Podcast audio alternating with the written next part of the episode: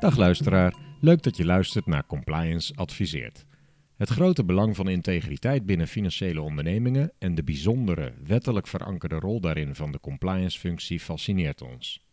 Daarom praten we ongeveer maandelijks met ervaringsdeskundigen en delen dit graag met een zo breed mogelijk publiek. Een podcast is daar dus ideaal voor. We zijn Niek Reuzelaars, zelfstandig compliance officer, werkzaam via Connective Payments. En ik, Erik Rijssenweber, compliance officer bij Triodos Bank Nederland.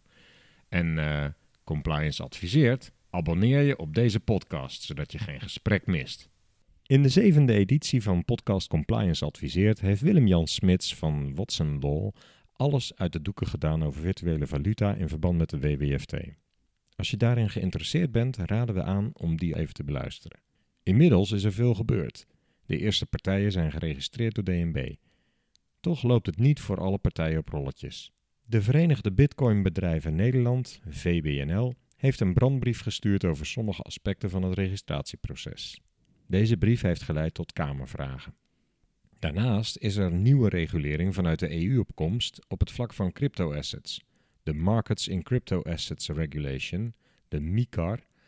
En deze verordening, hij lijkt een beetje op de MIFID, introduceert op diverse vlakken een vergunningenstelsel. Willem-Jan praat ons in deze podcast bij over hetgeen er de afgelopen maanden is gebeurd op het gebied van de WWFT-registraties. Daarnaast gaan we het hebben over de vraag wat MICAR precies inhoudt en wat hiervan de gevolgen zijn voor de veiligheid van het financiële systeem in relatie tot het gebruik van crypto-assets. Welkom terug bij Compliance Adviseert, Willem-Jan. Dankjewel. Je bent de eerste gast bij deze podcast die voor de tweede keer komt optreden. Heb je leuke reacties gehad op de eerste podcast? Ja, zeker. Ik heb van diverse mensen reacties gehad en ook nog aanvullende vragen daarop. Dus dat was erg, uh, erg uh, aangenaam, ja. Oh, wat leuk om te horen. Aanvullende vragen ook. Dus ik had toch wat meer moeten vragen eigenlijk vorige keer. Nou, het was met name van, uh, van een aantal mensen die diep in het proces oh, zitten. Okay, ja. Dus die, die hadden nog wat aanvullende dingen. Wat ik vooraf wil meegeven is, dat is in ieder geval nog steeds mijn beleving, cryptocurrency, oh jee, risico, witwassen, fraude, eh, drugshandel. Hoe reageer jij als mensen op die manier naar cryptocurrencies kijken of naar, en, en naar deze wetgeving? Dat is een eerste reactie die ik vaker tegenkom.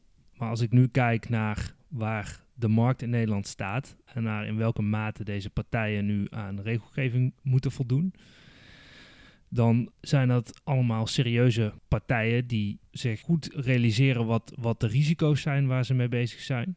Maar aan de andere kant vind ik ook dat die risico's in bepaalde media wat worden overtrokken en eenzijdig belicht. Want als je kijkt naar de daadwerkelijke inhoud van de onderzoeken op dit punt, dan blijkt het erg uh, mee te vallen. En zeker te gaan om risico's die door de marktpartijen goed te mitigeren zijn en ook daadwerkelijk heel serieus aangepakt worden. Denk je dat de toezichthouder de risico's goed inschat met cryptocurrencies? En wisseldiensten met name, daar hebben we het nu even over. Mm -hmm. De toezichthouder die heeft een goed beeld in mijn optiek van de risico's die er spelen. Het is natuurlijk een nieuw onderwerp, dus welke risico's precies actueel zijn en hoe die het best gemitigeerd kunnen worden, dat, dat blijft nog een beetje aftasten. Maar als ik zie hoe dat zij uh, die risico's inschatten, dan is dat grote overeenstemming met hoe, hoe de markt er naar kijkt. Dus een concreet voorbeeld. Er zijn speciaal type virtuele valuta die bedoeld zijn om extra privacy te waarborgen. Vanuit een bepaald perspectief is dat natuurlijk goed, maar het brengt integriteitsrisico's ten aanzien van witwassen en terrorismefinanciering met zich mee. Daar is grote focus op uh, in de markt. Dat is ook een aspect wat DNB ziet. Dus daar, daar is uh, over en weer goed beeld van je. En brengen partijen in de markt van cryptocurrencies nou ook nieuwe methoden naar voren, waarmee juist die risico's beter te mitigeren zijn dan wat tot nu toe gedacht werd? Het voorbeeld wat ik net noemde was natuurlijk heel specifiek voor deze markt. Als ik kijk naar de onboarding kant van, uh, van cliënten, dus identificatie van, uh, van cliënten en verificatie, dan zijn dit bedrijven die innovatief zijn en, en volledig online werken. Dus dat brengt met zich mee dat zij ook aanvullende innovaties hebben op het gebied van het, van het onboardingproces. Omdat ze met een greenfield konden beginnen. Ja, ze zijn al goed met het automatiseren van het hele onboardingproces. Ja, en misschien ook met transactiemonitoring. Daar zit ook een extra aspect aan, aan transactiemonitoring, omdat je te maken hebt met transactiemonitoring van de girale kant van de transacties. Ja, daarmee wil je zeggen vanaf de bankrekeningen. Ja, exact. Ja. Uh, maar natuurlijk ook de, de kant vanaf de, de virtuele valuta, dus de blockchain kant.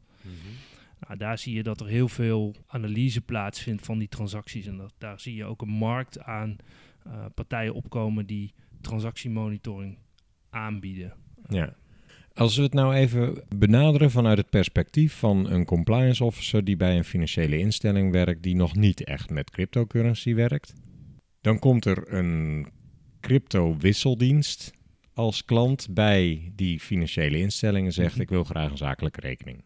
Waar moet ik dan als compliance officer op letten wat jou betreft? Nou, de eerste vraag die natuurlijk gesteld moet worden is of deze partij geregistreerd is door DNB.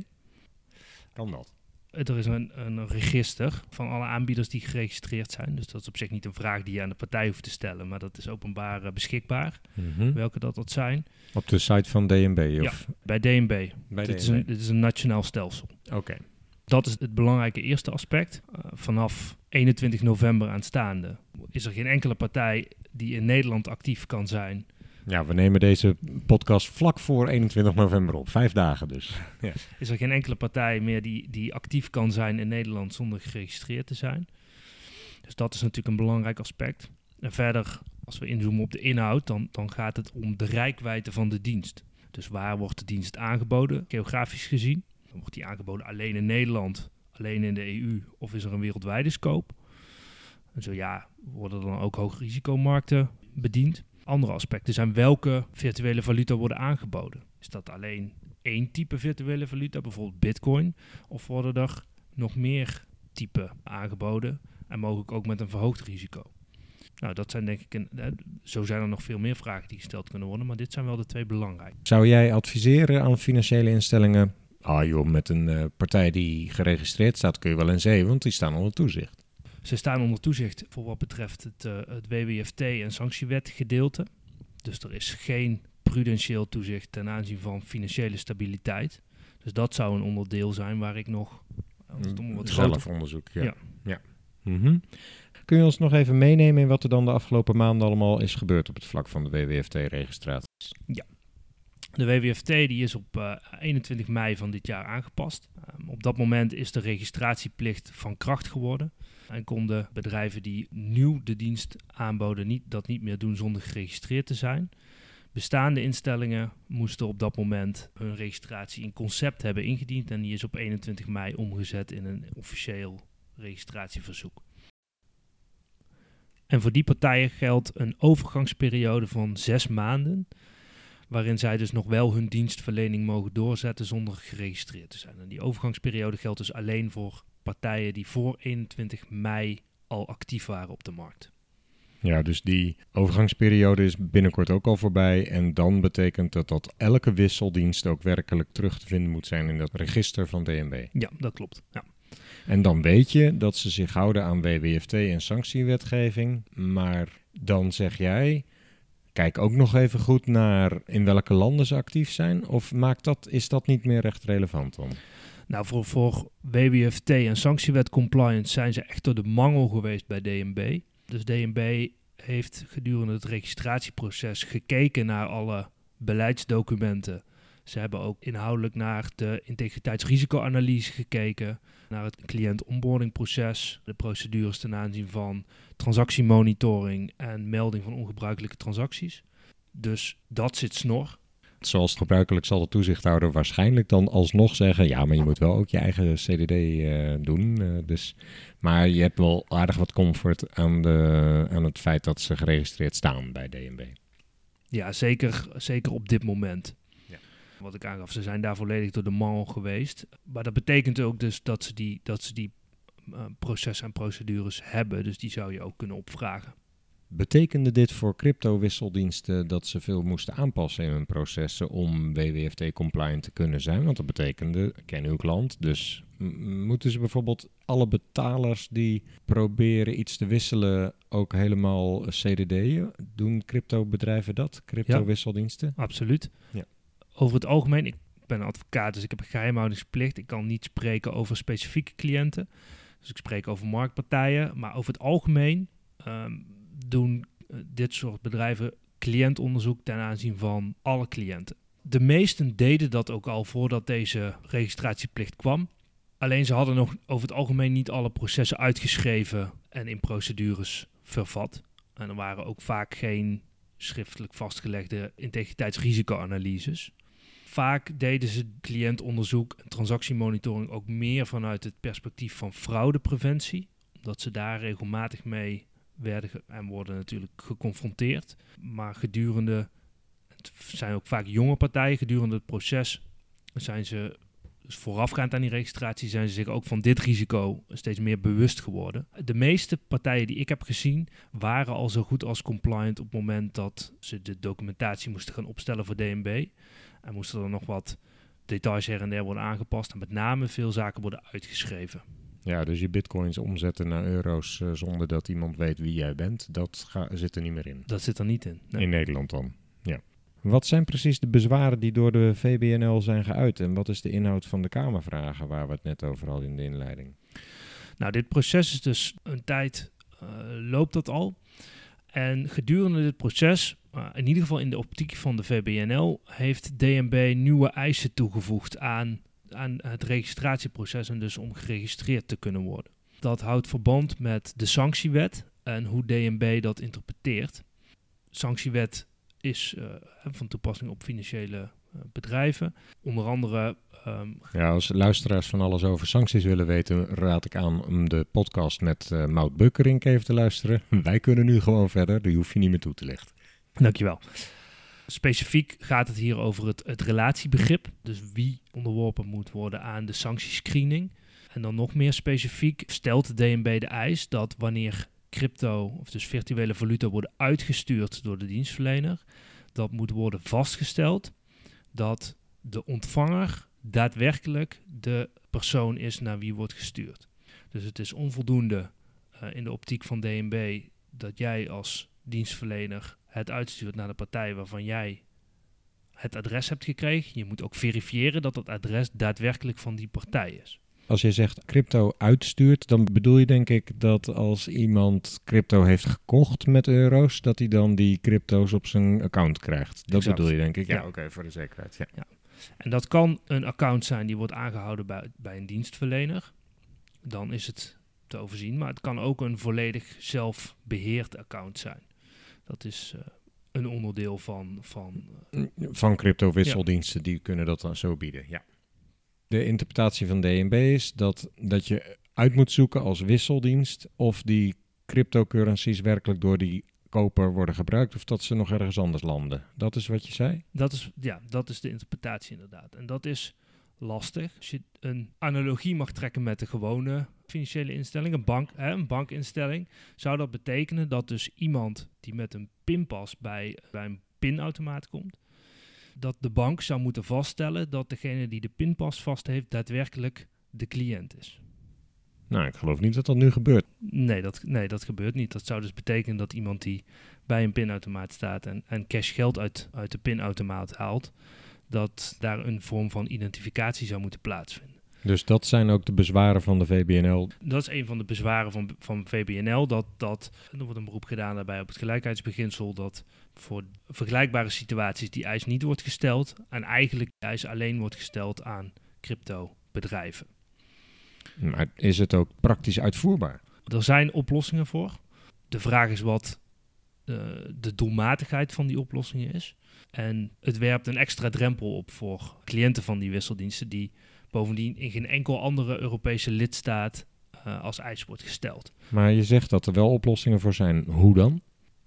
Er is een aantal technische oplossingen. De klant zou met de ontvangende wallet een transactie kunnen ondertekenen met een bepaald bericht dat door de crypto-dienstverlener naar de cliënt is gestuurd.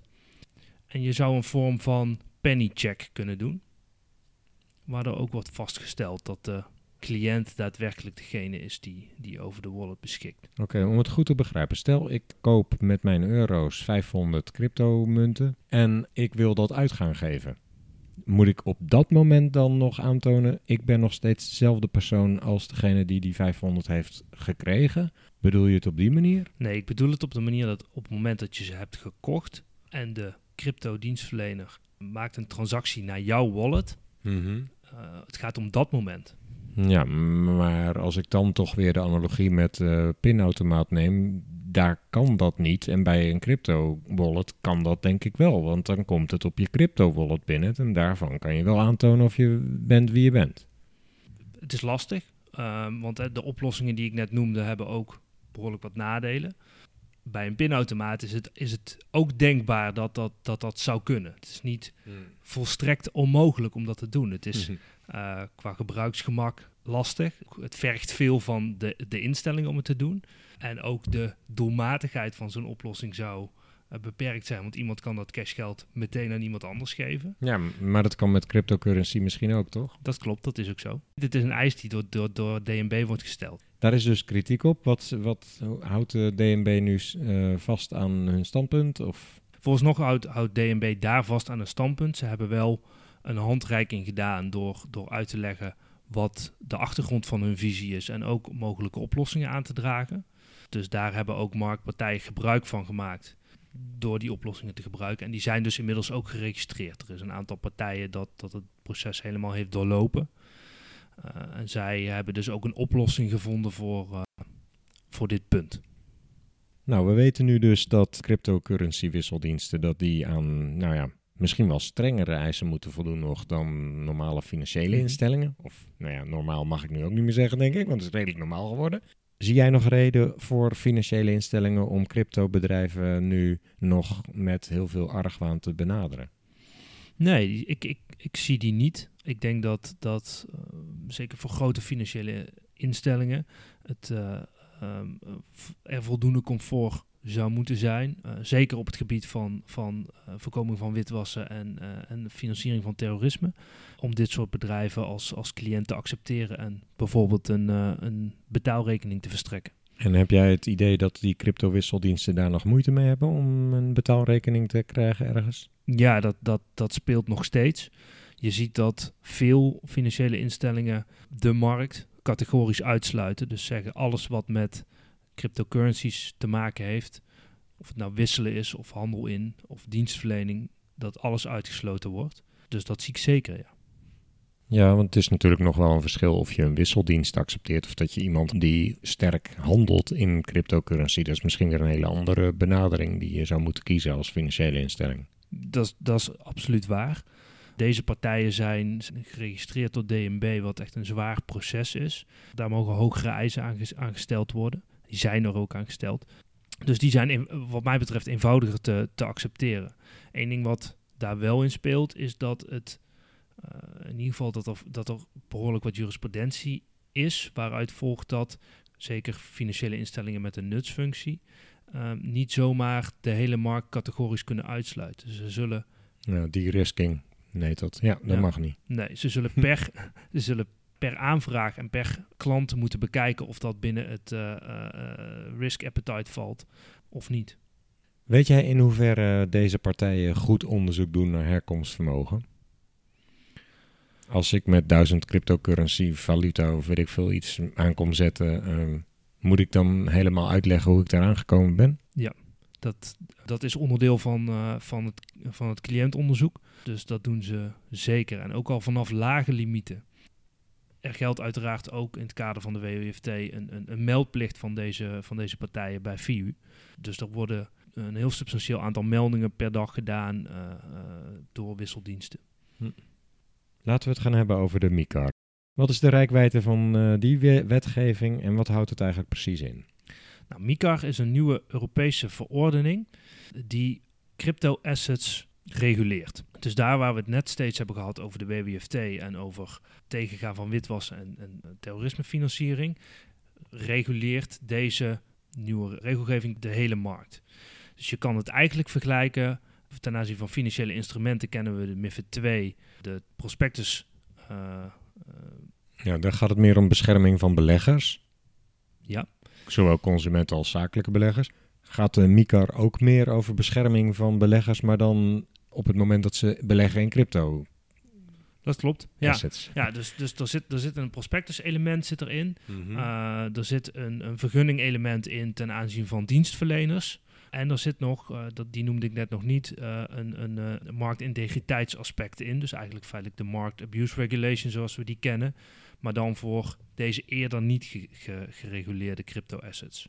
Waarvoor wordt die wetgeving eigenlijk van kracht? Waarom, wat, wat probeert het te regelen? Nou, de directe aanleiding is, dat staat niet met zoveel woorden in, in de toelichting, maar, maar het is vrij bekend dat dat eh, Facebook is die eh, Libra heeft aangekondigd. Dat heeft de wetgever doen realiseren dat het financiële stelsel in gevaar zou kunnen komen als er zo'n wereldwijde cryptovaluta door een grote partij zou worden uitgebracht. Dat is eigenlijk de directe aanleiding voor, voor deze nieuwe regelgeving. Daarnaast zijn er nog andere doelen en dat is eigenlijk om innovatie te bevorderen en om wetgevingsinitiatieven die er bij diverse lidstaten zijn eigenlijk voor de hele Europese Unie gelijk te trekken. En dus een level playing field te creëren voor alle partijen die actief zijn op dit gebied in, eh, in de EU. Ik wil straks graag weten wat crypto-assets precies eigenlijk zijn. Mhm. Maar eerst, hoe staat het eigenlijk met die Libra? Ik heb geen Facebook. Misschien wordt al volop gebruik van, gemaakt van Libra. Maar volgens mij, ik heb er niet meer zoveel van gehoord. Eh, nee, nou, d- hij is ook nog niet geïntroduceerd. Het is redelijk stil op dat gebied ook de laatste tijd. Eh, want zoals het bij de Europese regelgever aanleiding is geweest om, eh, om, om met, met initiatieven te komen, zo was dat ook in, eh, in, in de Verenigde Staten het geval. Dus daar zijn hele stevige maatregelen aangekondigd. En eh, de CEO van Facebook is ook gehoord in ehm, de Senaat over dit, over dit project. En eigenlijk heb ik de indruk, ik weet daar ook het fijne niet van, maar dat, dat, dat dit project redelijk ehm, tot stilstand is gekomen. Dat hele Libra-project. Ja. Maar het speciaal daarvoor bedacht is, zijn er dan wel andere partijen die onder deze regelgeving gaan vallen dan? Nou, zeer zeker. Het, het, het, het reguleert eigenlijk alle partijen die ehm, actief zijn op de, op de crypto-markt. Dus dat, dat is op dit moment nog een vrij beperkte eh, markt qua, qua financiële omvang.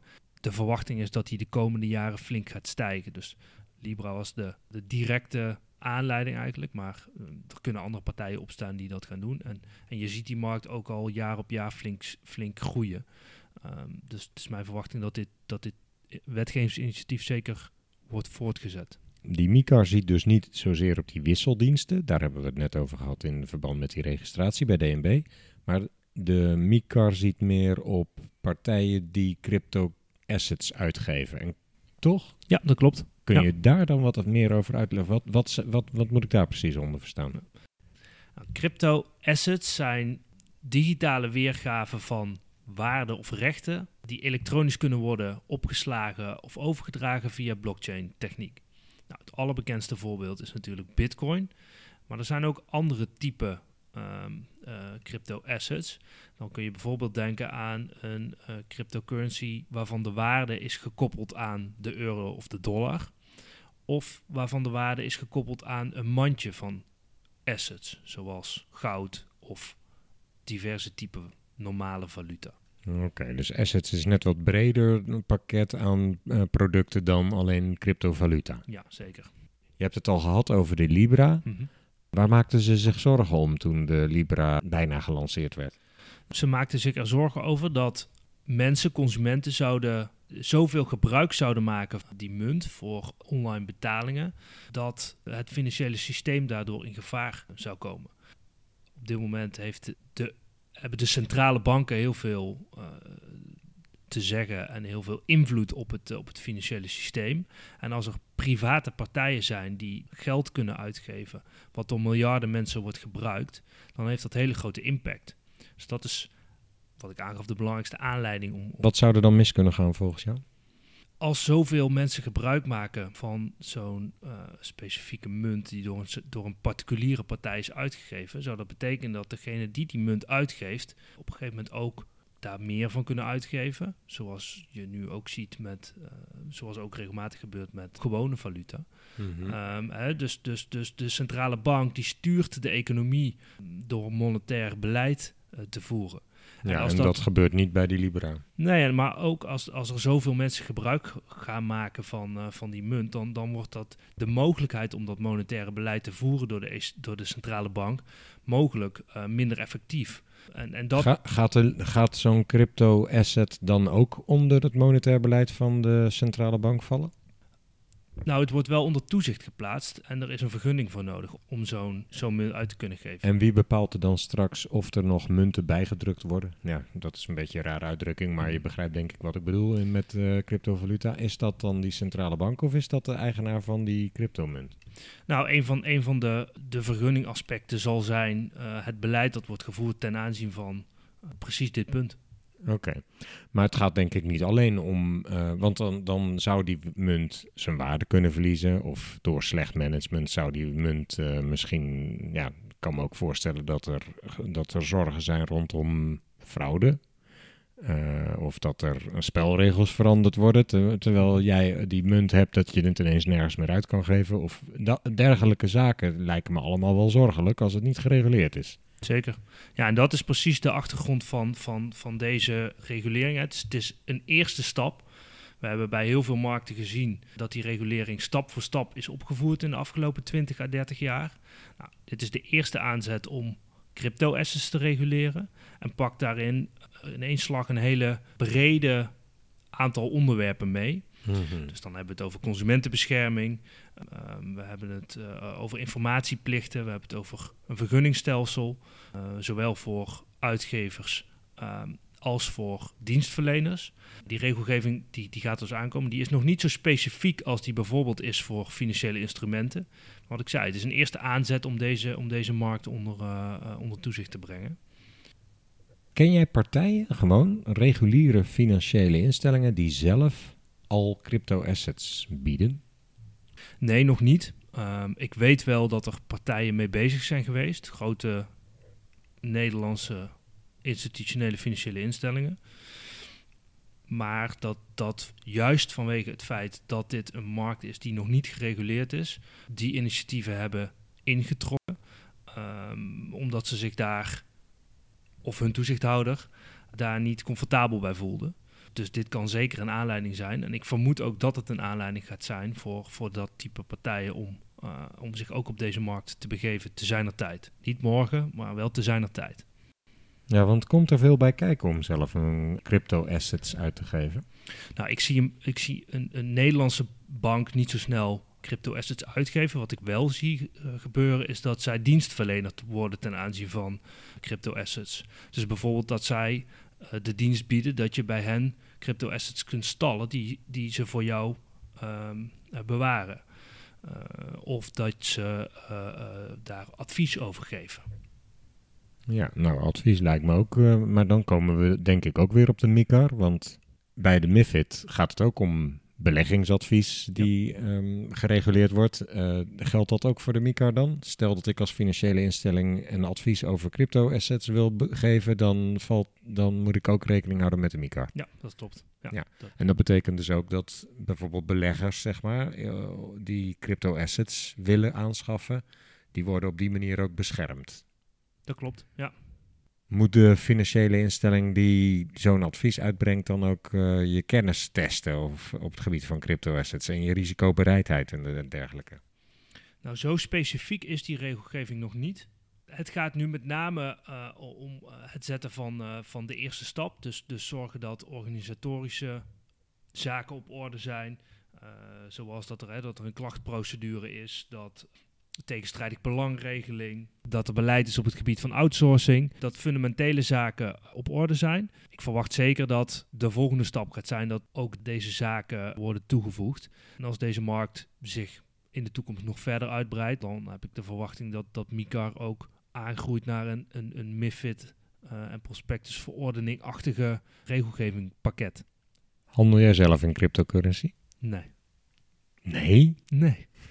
Wat ik wel doe, is gebruik het om de werking ervan goed te kunnen doorgronden. Eh, ik geef op een dagelijkse basis mijn cliënten advies hierover. Dus ik, ik, ik wil ook weten hoe het werkt, wat de technische aspecten zijn. Dus dat doe ik voor veelvuldig. Maar ik handel er zelf eh, eh, niet in, zoals ik zelf ook niet handel in aandelen. Nou ja, dat is ook wel weer logisch. Tot slot, aanhakend op de titel van deze podcast, heb je nog een specifiek advies voor de luisteraar? Nou, dat, dat heb ik wel. Ik, ik denk dat het goed zou zijn voor elke compliance officer om zich een klein beetje te verdiepen in virtuele valuta en crypto assets, feitelijk in crypto, uh, omdat ik de verwachting heb dat dit uh, uh, niet meer weggaat en de toekomst is. Dus om jezelf toekomstbestendig te maken, zorg ervoor dat je een klein beetje van dit onderwerp weet. Het is bovendien ook nog heel erg interessant als je er steeds dieper in gaat. Met deze informatie komen ze al een heel eind, lijkt mij. Dus ja, als je, als je deze context begrijpt, dat dus, uit, dus dat het eigenlijk een pros de prospectusverordening MIFID 2 uh, Market Abuse Regulation is, maar dan toegespitst op crypto assets. Dat is eigenlijk de kern van, van MICAR. Ik zou zelf ook denken dat door het feit dat dit allemaal gereguleerd gaat worden, de, de toezichthouder en de wetgever de cryptocurrency en crypto assets inmiddels al serieus nemen. Dus dan zou je ook verwachten dat financiële instellingen zelf daar op een gegeven moment ook iets mee zullen moeten gaan doen. Ja, dat, dat is ook mijn verwachting. Ja. ja.